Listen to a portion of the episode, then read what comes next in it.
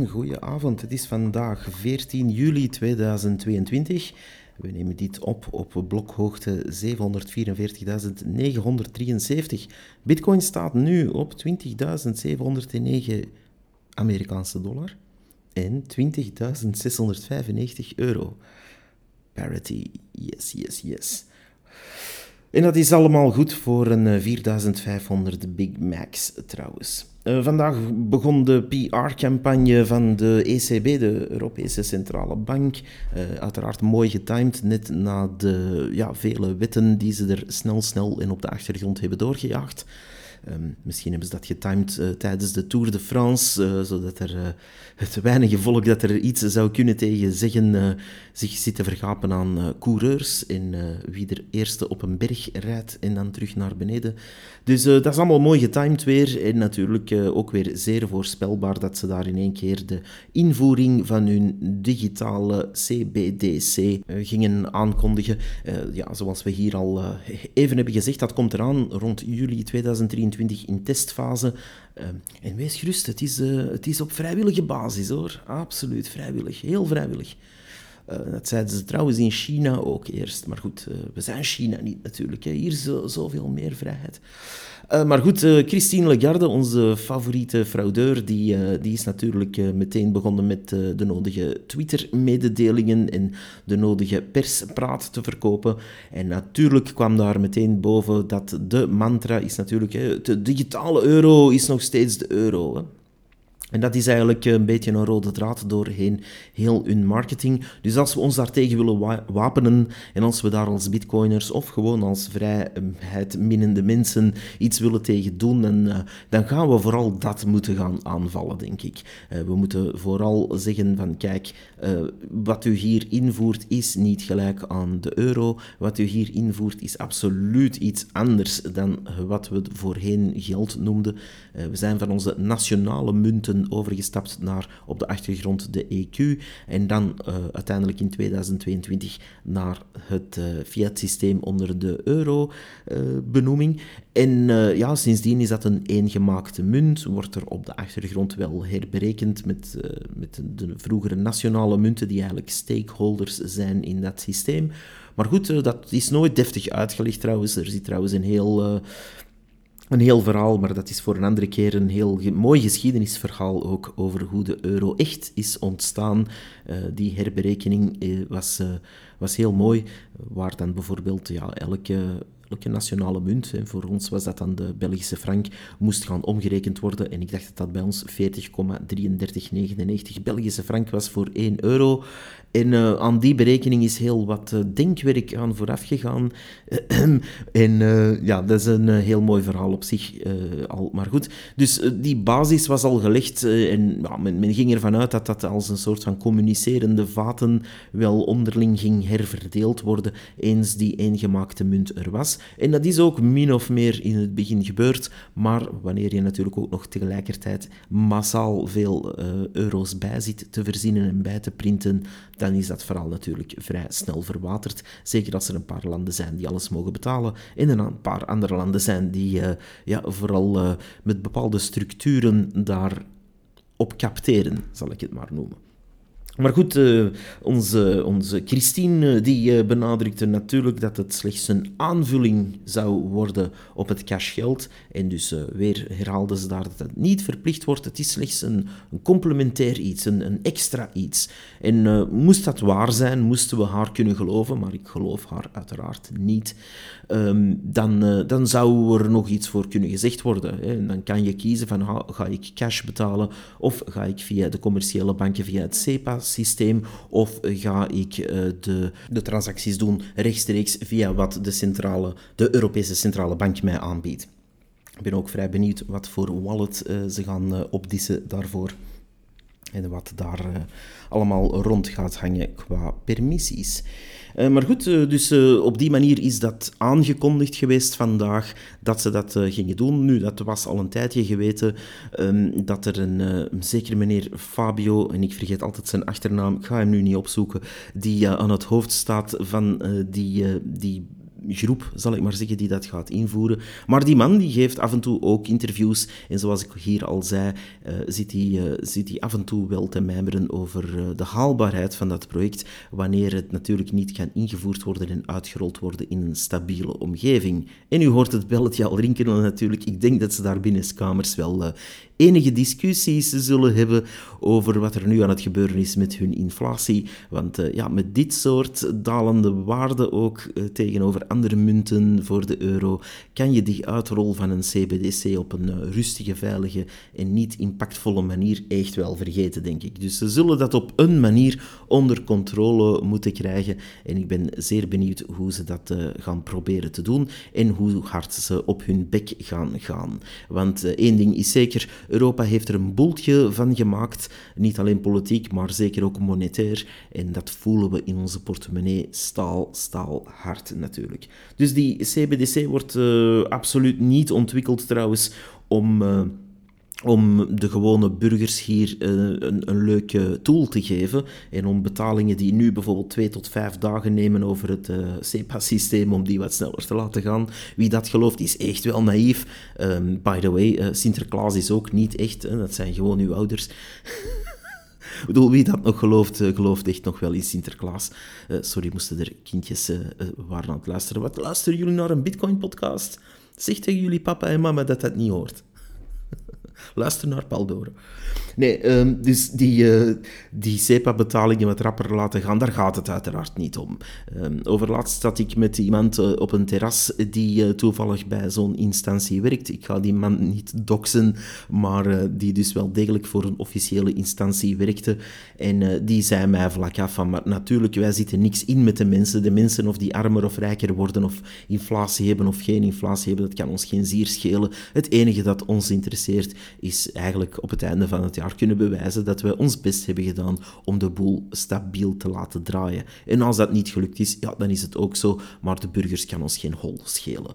Dus, uh, en dat komt rechtstreeks uit de mond van iemand die voor zulke instantie werkt. U mag dat uh, van mij aannemen. Ik had daar ook getuigen bij, al uh, ja, zullen er weinigen het geloven. Maar goed, dus uh, dat wordt zo stilaan een, uh, ja, een mantra van hen, om steeds te herhalen van kijk, de digitale euro, wat zij dus eigenlijk, uh, want de euro is al digitaal natuurlijk, maar de digitale euro, dat gaat dus eigenlijk over die CBDC, en waar je dus eigenlijk een ja, corporate blockchain op nationaal en hier zelfs op internationaal niveau gaat laten draaien om uw burgers een, ja, een fiat token te geven. Nu, het is niet echt een token, het is eigenlijk ja, veel meer dan dat. Het is een programmeerbare token die uh, niet alleen centraal wordt beheerd, maar die dan ook nog eens eindeloos kan bijgeprint worden en natuurlijk doelen kan gegeven worden. Dus die Total Control Coin die ze daaraan uh, het opbouwen zijn, neem het van mij aan en u mag dat nu al op een papiertje schrijven. Het is uh, juli 2022 en ik vertel u hier bij de Alles voor Bitcoin podcast nu al dat u ooit zal meemaken in België dat er mensen zullen verplicht worden om die digitale euro te gebruiken. Dus als ze hier zeggen het is op vrijwillige basis, dan wil ik ten allen tijde kunnen zeggen nee, ik gebruik het niet.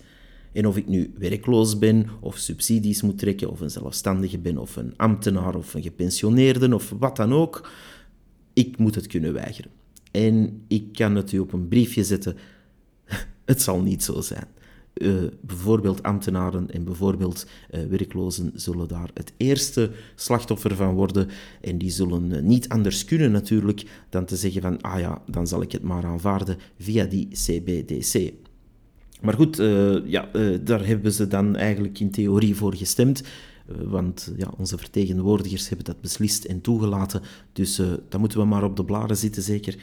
Uh, maar goed, die CBDC komt eraan en wat dat vooral gaat doen, buiten een total control coin worden, is uh, ja, ook hier en daar vervaldatums op uw geld zetten en een hoop herprogrammeerbare doelen daarin zetten of voorwaarden. Uh, bijvoorbeeld, u kan dit stukje van uw loon enkel uitgeven tijdens de zomermaanden, of u kan dat stukje van uw loon enkel uitgeven in door ons goedgekeurde winkels etc. etc. Beetje zoals de eco-check nu, maar dan nog erger. Het is eigenlijk een ultiem middel om totale controle te hebben over de bevolking en tegelijk een desastreuze politiek te verdoezelen, waarbij ze meer dan 2300 miljard bijverzonnen en aan hun vrienden hebben uitgedeeld via quantitative easing. En ondertussen hebben we dus ook dollarpariteit bereikt. En een beetje erover al zelfs. Dus ja, de, de euro doet het niet zo goed tegenover de US dollar. Maar niet alleen dat, ook tegenover bitcoin is het vrij desastreus. 1 eh, euro was 0,0033 bitcoin waard in 2015. Drie jaar later, in december 2018, uh, is dat uh,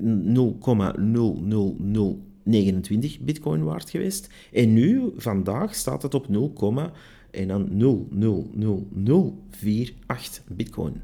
Um, dat is een chart die gewoon er rampzalig uitziet. Uh, als je dus de eurowaarde gaat meten in bitcoin, uh, is dat eigenlijk een soort van skateboard ramp, waar er links een skateboarder staat en die kan heel mooi uh, naar rechts sliden. Dus ja, dat is, dat is eigenlijk gewoon desastreus. Nu, een paar, uh, ja, een, een, paar zaken daaromheen uh, zijn nog natuurlijk niet helemaal definitief beslist. Maar ik, uh, ik zie wel aankomen dat we hier weldra in een China-light scenario gaan terechtkomen. Wat mij vooral enorm verbaast is dat er gewoon geen oppositie rond is. Um, ik zie op enkele privépersonen na die daar lawaai over maken. Uh, vooral bitcoiners dan, maar goed.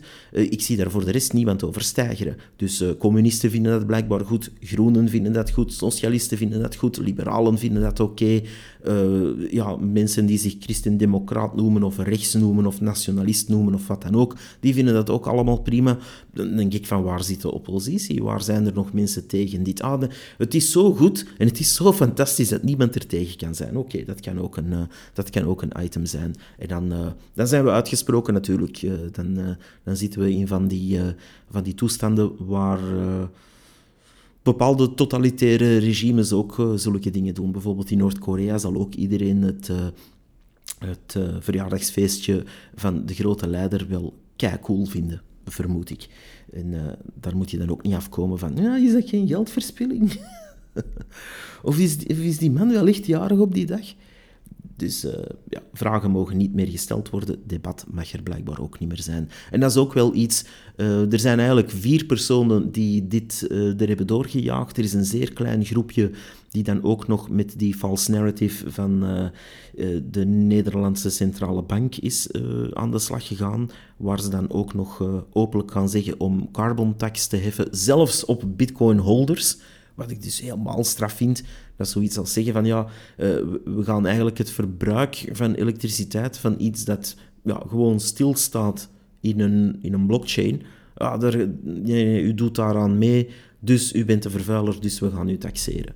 Als dat de redenering wordt, dan moet je heel veel zaken gaan taxeren. Daarover straks meer. Ik ga er toch nog een paar snelle nieuwtjes doorjagen, nu we toch uh, de micro open hebben staan. En uh, eigenlijk, uh, volgens de metingen die, worden gebeurd door, ge die gebeuren door gespecialiseerde bedrijven, zijn de mensen die minder dan één bitcoin bezitten, de shrimps, zoals ze die dan oneerbiedig noemen, um, die, die zijn massaal aan het bijkomen, zo blijkt uit die analyse. Dus er zijn wel degelijk mensen die zeggen, ja, ik heb hier nog 100 euro vrij, of ik heb hier 100 dollar vrij, ik ga bitcoin bijkopen. En dat zijn de slimme mensen eigenlijk.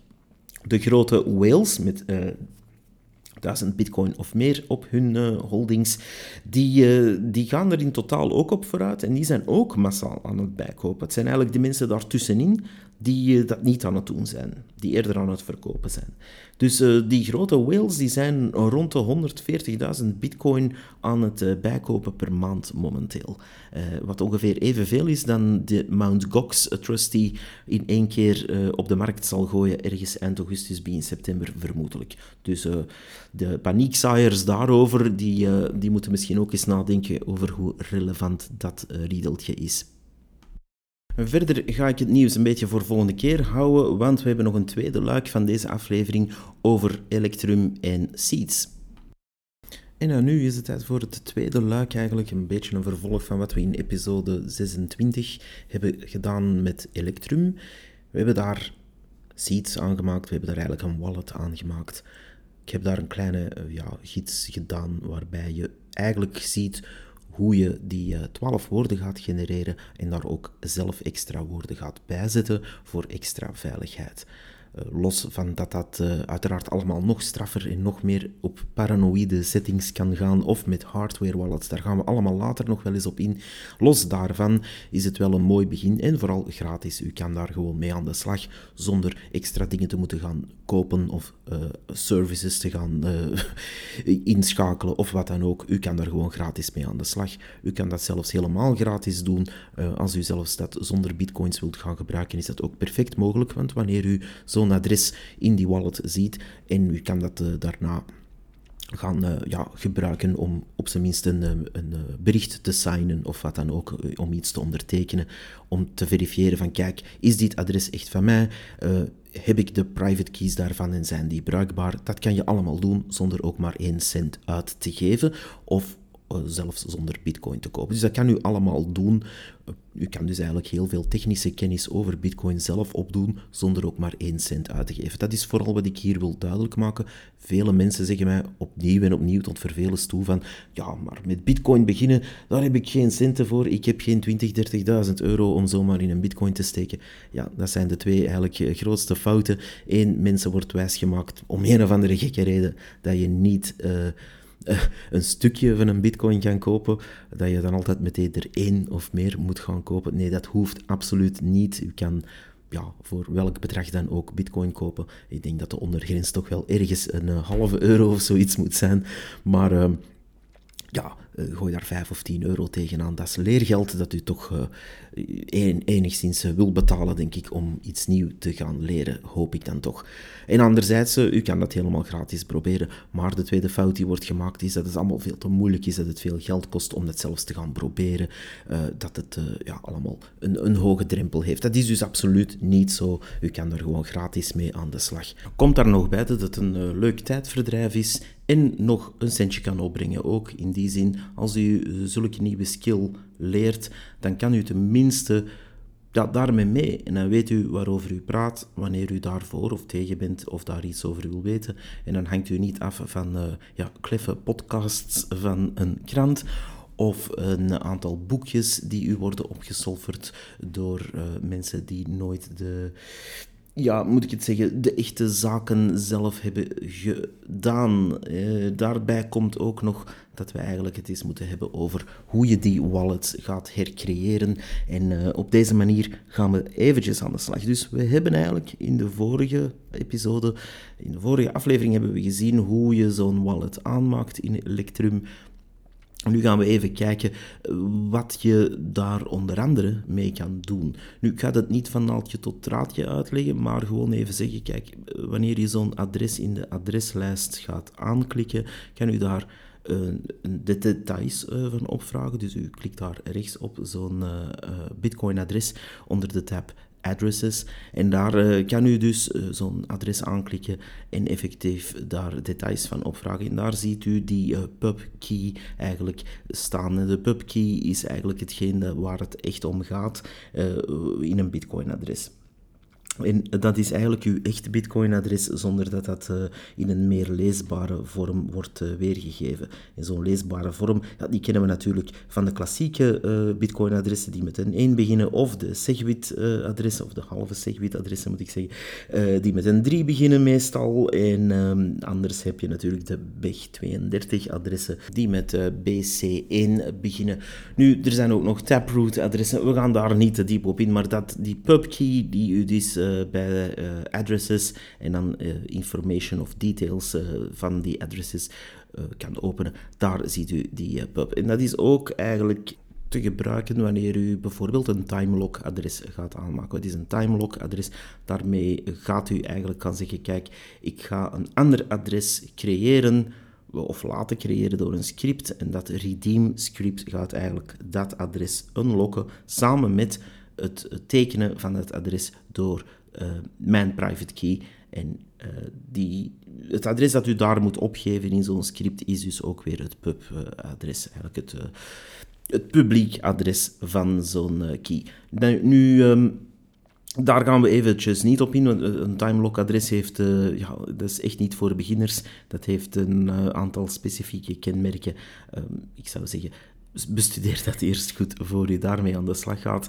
Uh, er zijn ook al mensen geweest die per ongeluk daar een verkeerde waarde ingeven en dan hun bitcoin voor x aantal jaren uh, vastzetten in plaats van enkele maanden. Dus uh, daar moet u wel mee opletten.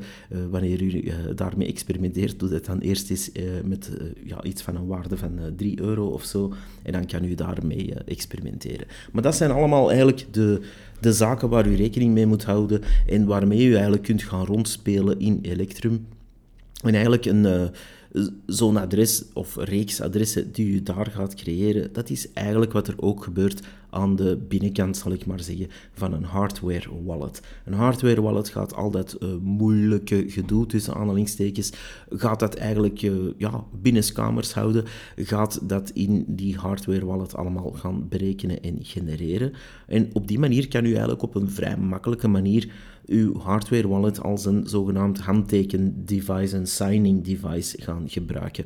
En dat is natuurlijk erg handig wanneer u uh, daarop kan rekenen dat uw private keys wel degelijk binnen zo'n hardware wallet worden behandeld en niet bijvoorbeeld op een of andere werkcomputer staan uh, waar u uh, af en toe whatever mee voor heeft. Dus voor de veiligheid, voor de privacy, maar uiteraard ook om natuurlijk uw keys zelf bij te houden, is het absoluut belangrijk dat u ofwel een hardware key hebt, ofwel heel goed weet waarmee u bezig bent.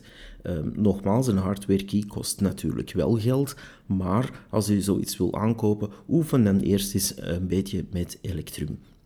Electrum speelt eigenlijk de rol van zo'n uh, ja, hardware wallet eigenlijk. Het is uiteraard een software wallet, maar het speelt uh, qua, qua werking en qua uh, ja, de, de systemen die erachter zitten, interacteert dat met, het, met, de, met de Bitcoin blockchain, moet ik zeggen, op een goede manier. En daarmee leert u heel veel. Voor beginners zou ik daar zeker eh, mee beginnen. Je kan er ook vrij weinig mee misdoen. Het enige waar u af en toe rekening mee moet houden is dat Electrum een eigen manier heeft om uh, bijvoorbeeld woordenlijsten uh, om te zetten in HD-wallets eigenlijk te gaan genereren.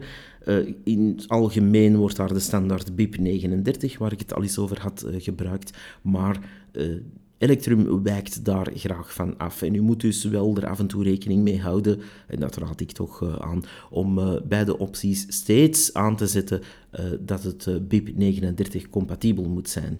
En dat, dat ontdekt u gaandeweg als u bijvoorbeeld een standaard wallet aanmaakt, kan u daar die opties bij options gewoon aanzetten van kijk, dit is BIP39. Zet dat vooral aan, want dan zijn uw 24 of 12 woorden wat u ook hebt gebruikt compatibel met andere wallets die die BIP39 ook gebruiken. Niet dat u dat voor de rest niet zou kunnen uh, recoveren als u dat vergeet aan te klikken. U moet het gewoon weten. Uh, er zijn altijd trucken om dat toch nog uh, terug te gaan halen. Maar het is natuurlijk veel makkelijker moet u, moest u op die BIP39 standaard effectief wel blijven werken. En ook binnen Electrum daarop werken. zij zelf hebben een beetje een andere visie daarop. Ik ga daar niet in detail gaan waarom.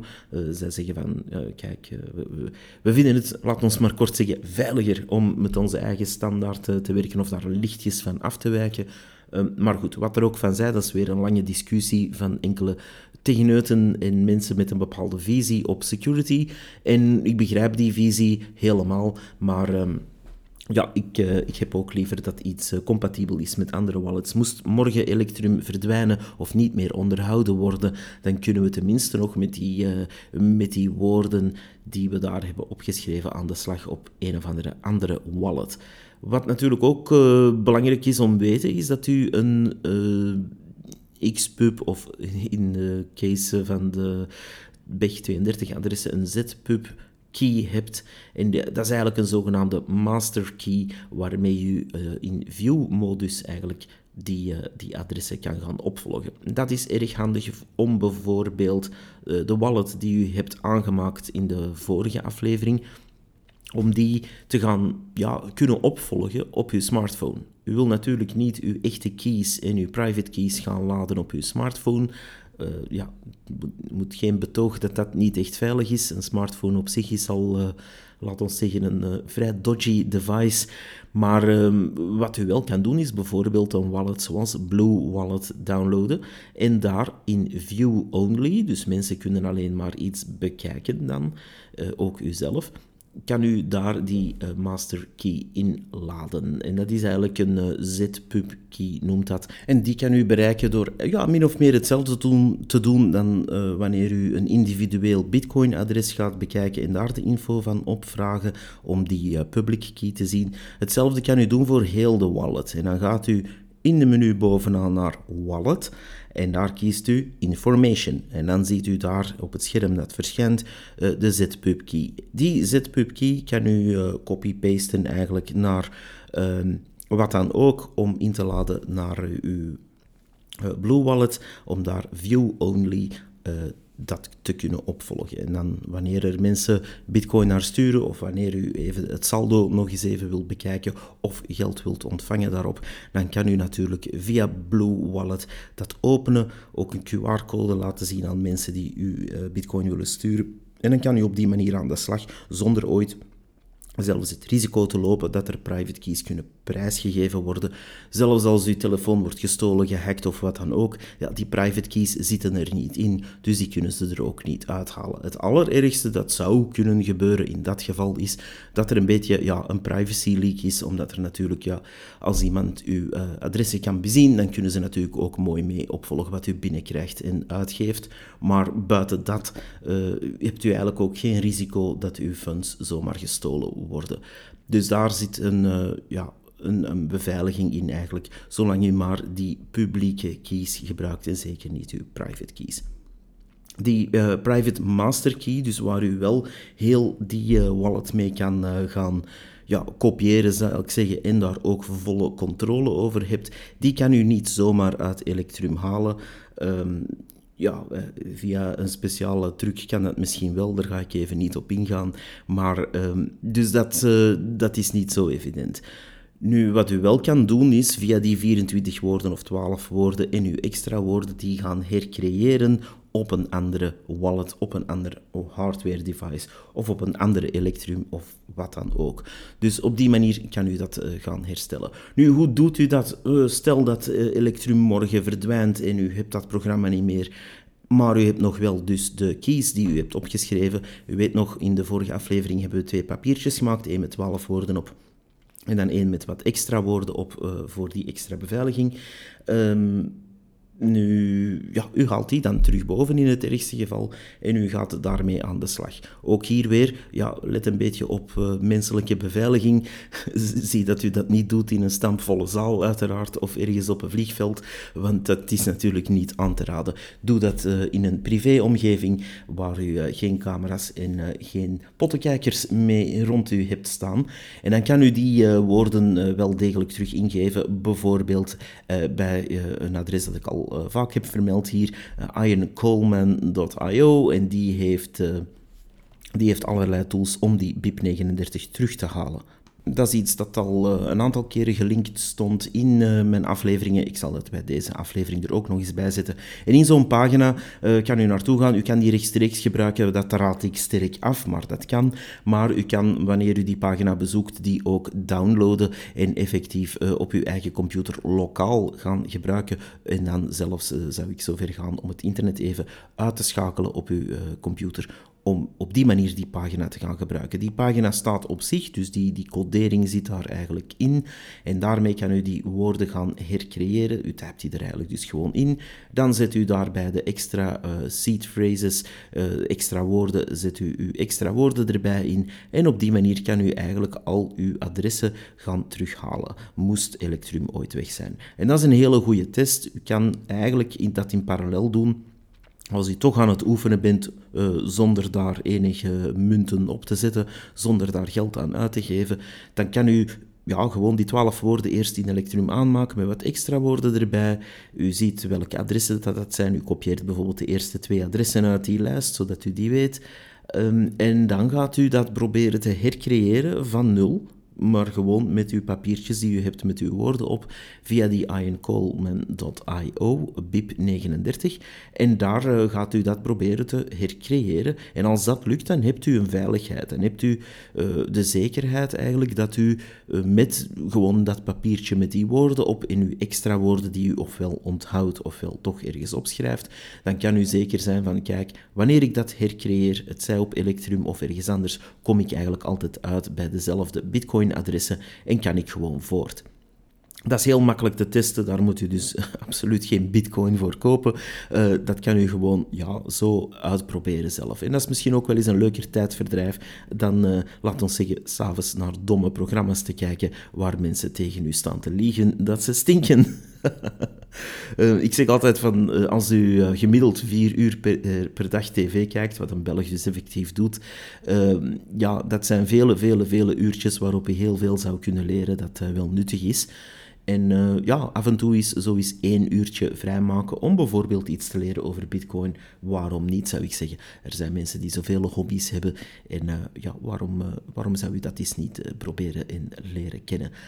Wat u daar vooral mee leert, is dat u die Be Your Own Bank mantra kan waarmaken. Want als u daar 50 of 100 euro in Bitcoin ergens opsteekt, dan kan u die zelf beheren, zelf bekijken en die blijven gewoon van u. En dat is eigenlijk een gevoel dat ik uh, iedereen die een no-coiner is of die uh, een beetje bang heeft van bitcoin doordat Paul Dore daar altijd zo zuur over is, en ik raad dat eigenlijk iedereen aan om dat gewoon eens te proberen. Dat gevoel is wel tof het gevoel om bitcoin ergens te hebben waarvan jij weet van kijk, eigenlijk is dat niet confiskeerbaar en kan ik dat permissieloos gaan gebruiken zonder bij banken of een overheid of wie dan ook te gaan zitten smeken of het wel mag en of het wel kan en of het wel goed is of slecht is of wat dan ook. Bitcoin denkt daar niks over. U hebt gewoon een cijfertje op de blockchain, u hebt daar de key toe en u kan dat gebruiken wanneer u dat zelf wil. En dat is een eh, fijn gevoel, een gevoel dat wij eigenlijk eh, in deze maatschappij meer en meer aan het kwijtraken zijn.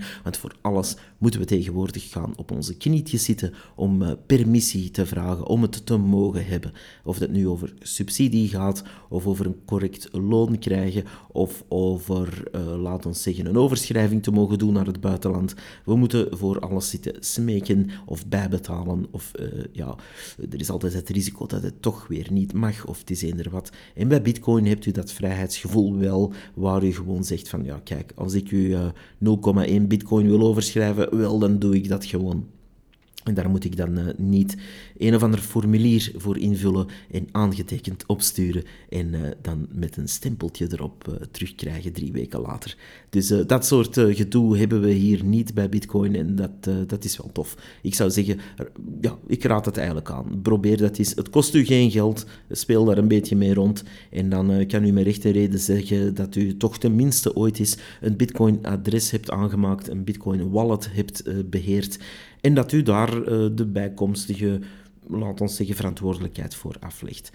Tot zover deze aflevering. Je kan ons volgen op uh, Twitter natuurlijk, en dat is @avbpodcast. We zitten ook op CoinOS, dat is coinos.io slash alles voor bitcoin. Sinds kort zit ik zelf ook op uh, stackers.news, een hele mooie Reddit-achtige pagina met nieuws. Uh, en daar kan je met Lightning betalen en inloggen. Dus eigenlijk wel uh, zeer mooi. Ik raad dat iedereen aan om eens te proberen. Ik ben naar kim at stackernews. nee. Dus kim at probeer die site zeker eens uit, zou ik zeggen. Het is heel, heel leuk. En verder natuurlijk, ja, tot de volgende keer. En ik zou zeggen, vooral hou jullie ogen en oren open voor de zever en de leugens die er aankomen van de Europese Centrale Bank. Want ze zijn zich aan het weren als een duivel in het wijwatervat. En aan de ene kant is het ook plezierig om hen zo te zien spartelen, want ze verdienen het. En aan de andere kant is het ook wel jammer dat dat dan altijd moet gebeuren met, uh, laten we zeggen, een minimum aan debat. Uh, om niet te zeggen geen debat. En waar er uh, ja, nog steeds dezelfde riedeltjes en dezelfde piep wordt uh, bovengehaald, jammer genoeg. Maar goed, uh, het zij zo. Ik uh, vrees een beetje dat het in Europa op dat punt om zeep is. Als ik hoor dat mensen klakkeloos en zonder zelfs enige, ja, enige seconde nadenken aanvaarden wat er daar gezegd wordt door onder andere de hoofden van de ECB, dan, uh, ja, dan stel ik me toch vragen bij het intellect en hoe ver dat uh, mensen niet uh, zijn geslagen door allerlei televisieprogramma's, zodat ze op een duur echt niet meer zelf kunnen denken. En dat is iets dat veel conspiracy mensen natuurlijk steeds aanhalen van oh, mensen die televisie krijgen worden gebrainwashed. Ja, ik begin dat ook echt wel te geloven eigenlijk als ik, als ik de mensen zo bezig hoor. Uh, ja, ze slikken alles als zoete koek. Uh, ze denken dat uh, het weer omslaat of het klimaat om zeep is doordat bitcoin bestaat. Wel, mensen, nieuwsflash. Voor 2009, voor bitcoin bestond, waren er ook bosbranden en kapte men ook half het regenwoud weg. Dat is trouwens niet gestopt. Men doet dat nog steeds. Dat heeft niks met bitcoin te maken dat het klimaat om zeep is, dat de oceanen vol plastic liggen, dat men ook nog van de Europese instellingen uit subsidies geeft aan schaliegasverwerkende plasticfabrieken. Voor meer dan 500 miljoen staat men daar garant voor, onder andere een fabriek van Ineos. Dat is niet de schuld van Bitcoin. Dus wanneer u die plastic uh, subsidierende instanties bekijkt, wanneer u die uh, mensen dan hoort zeggen dat ze om het klimaat te redden toch een carbon tax gaan zetten op mensen die bitcoin bijhouden ook, dan denk ik, jullie zijn eigenlijk gewoon echt crimineel bezig en schandalig. Niet alleen vanuit uh, het standpunt van een bitcoiner, maar ik zit hier soms ook als gewoon een mens. Een mens die uh, ook met het milieu inzit en ook met klimaat inzit. En ik heb ook uh, ja, daar rond activisme, activisme gedaan, zal ik maar zeggen. En het is gewoon jammer om te zien dat dat op die manier bij elkaar geveegd wordt als zijnde, ah, we zijn allemaal vervuilers en we moeten maar meer tax betalen. Wel, uh, ja, als u bitcoiners tax laat betalen omdat ze een, een private key hebben op een ledger wat dus op zich niets verbruikt en ook op zich geen uitstoot veroorzaakt. Um, als u dat uh, doet, wel, dan ken ik veel andere dingen die ook dringend een dikke vette carbon tax moeten hebben, zoals cruiseschepen, auto's, elektrische of andere. Um, kinderen, honden, katten, kippen, liften, airco's, airco's in de auto. Ja, dat kunnen ze misschien ook nog doen. Uh, carbon tax op de airco in de auto, dat zou nog een goed idee zijn eigenlijk. En zo kan je er nog honderden bedenken die allemaal stroom verbruiken, die allemaal vervuiling veroorzaken en die geen extra carbon tax krijgen. Maar iemand die een cijfertje op een ledger heeft staan, oeh, dat vervuilt zogezegd. Dus het spelletje dat daar wordt gespeeld is ridicuul, kinderachtig en gaat eigenlijk puur om een, eh, een, ja, een onterecht verkregen macht te blijven verdedigen met eender welke middelen. En momenteel gebruiken ze als middel vooral hele platte, hele domme marketing, die blijkbaar dan nog werkt ook. En daarom zie ik het zeer somber in voor uh, ja, onze Europeanen eigenlijk. Want als u voor de televisie ziet en dat level van piep slikt, uh, is het wel heel erg. ik bedoel, hoe laag kan je nog vallen eigenlijk? Hoeveel lager kan je nog vallen? Um, men staat letterlijk gewoon in de camera tegen u te liegen en iedereen knikt ja, of bijna iedereen knikt ja en denkt van, oh ja, ja dat is slecht voor het milieu. Dus uh, nee, het stemt mij niet vrolijk, moet ik zeggen. En uh, ja, deze rant uh, wou ik er ook nog even bijvoegen. Het is niet echt een rant, het is gewoon een mijmering. In die zin het is eigenlijk wel ver gekomen dat onze Europese instituten, die eh, destijds toch dienden om een eh, unie te scheppen en betere handel te drijven en meer vrijheid te creëren voor de mensen, ehm, dat dat nu verworden is tot een soort van ja, instituut dat uh, China light aan het worden is vrij triestig. Maar ik weet ook niet wat daaraan te doen. Uh, moest ik een partij of een politicus weten die daar iets aan zou kunnen doen en willen doen en kunnen doen, ik zou het u vertellen, maar uh, tot nu toe uh, blijf ik dat antwoord schuldig. Um, dat is op zich ook al zeer triestig. dus oppositie is ook weg, of zo goed als weg. En ehm, ja, daar staan we dan als bitcoiners, politiek dakloos en niet verdedigd door wie dan ook. Met die gedachte laat ik jullie even achter. Uh, misschien hebben we volgende keer beter nieuws. Misschien stijgen de prijzen terug en kunnen we ons wat beter voelen, wat meer adrenaline. Want ik vermoed wel dat de clownshow die we nu meemaken met de euro, dat dat gaat eindigen in een uh, plotse stijging in aankoop van bitcoin. Want ik hoor veel mensen toch ook wel twijfelen of ze niet beter bitcoin zouden kopen, in plaats van hun, hun spaargeld te zien wegsmelten op de bank. Ik zou zeggen, denk maar eens goed na. Dat moet je eigenlijk al tien jaar doen, maar goed, beter laat dan nooit. Bye bye.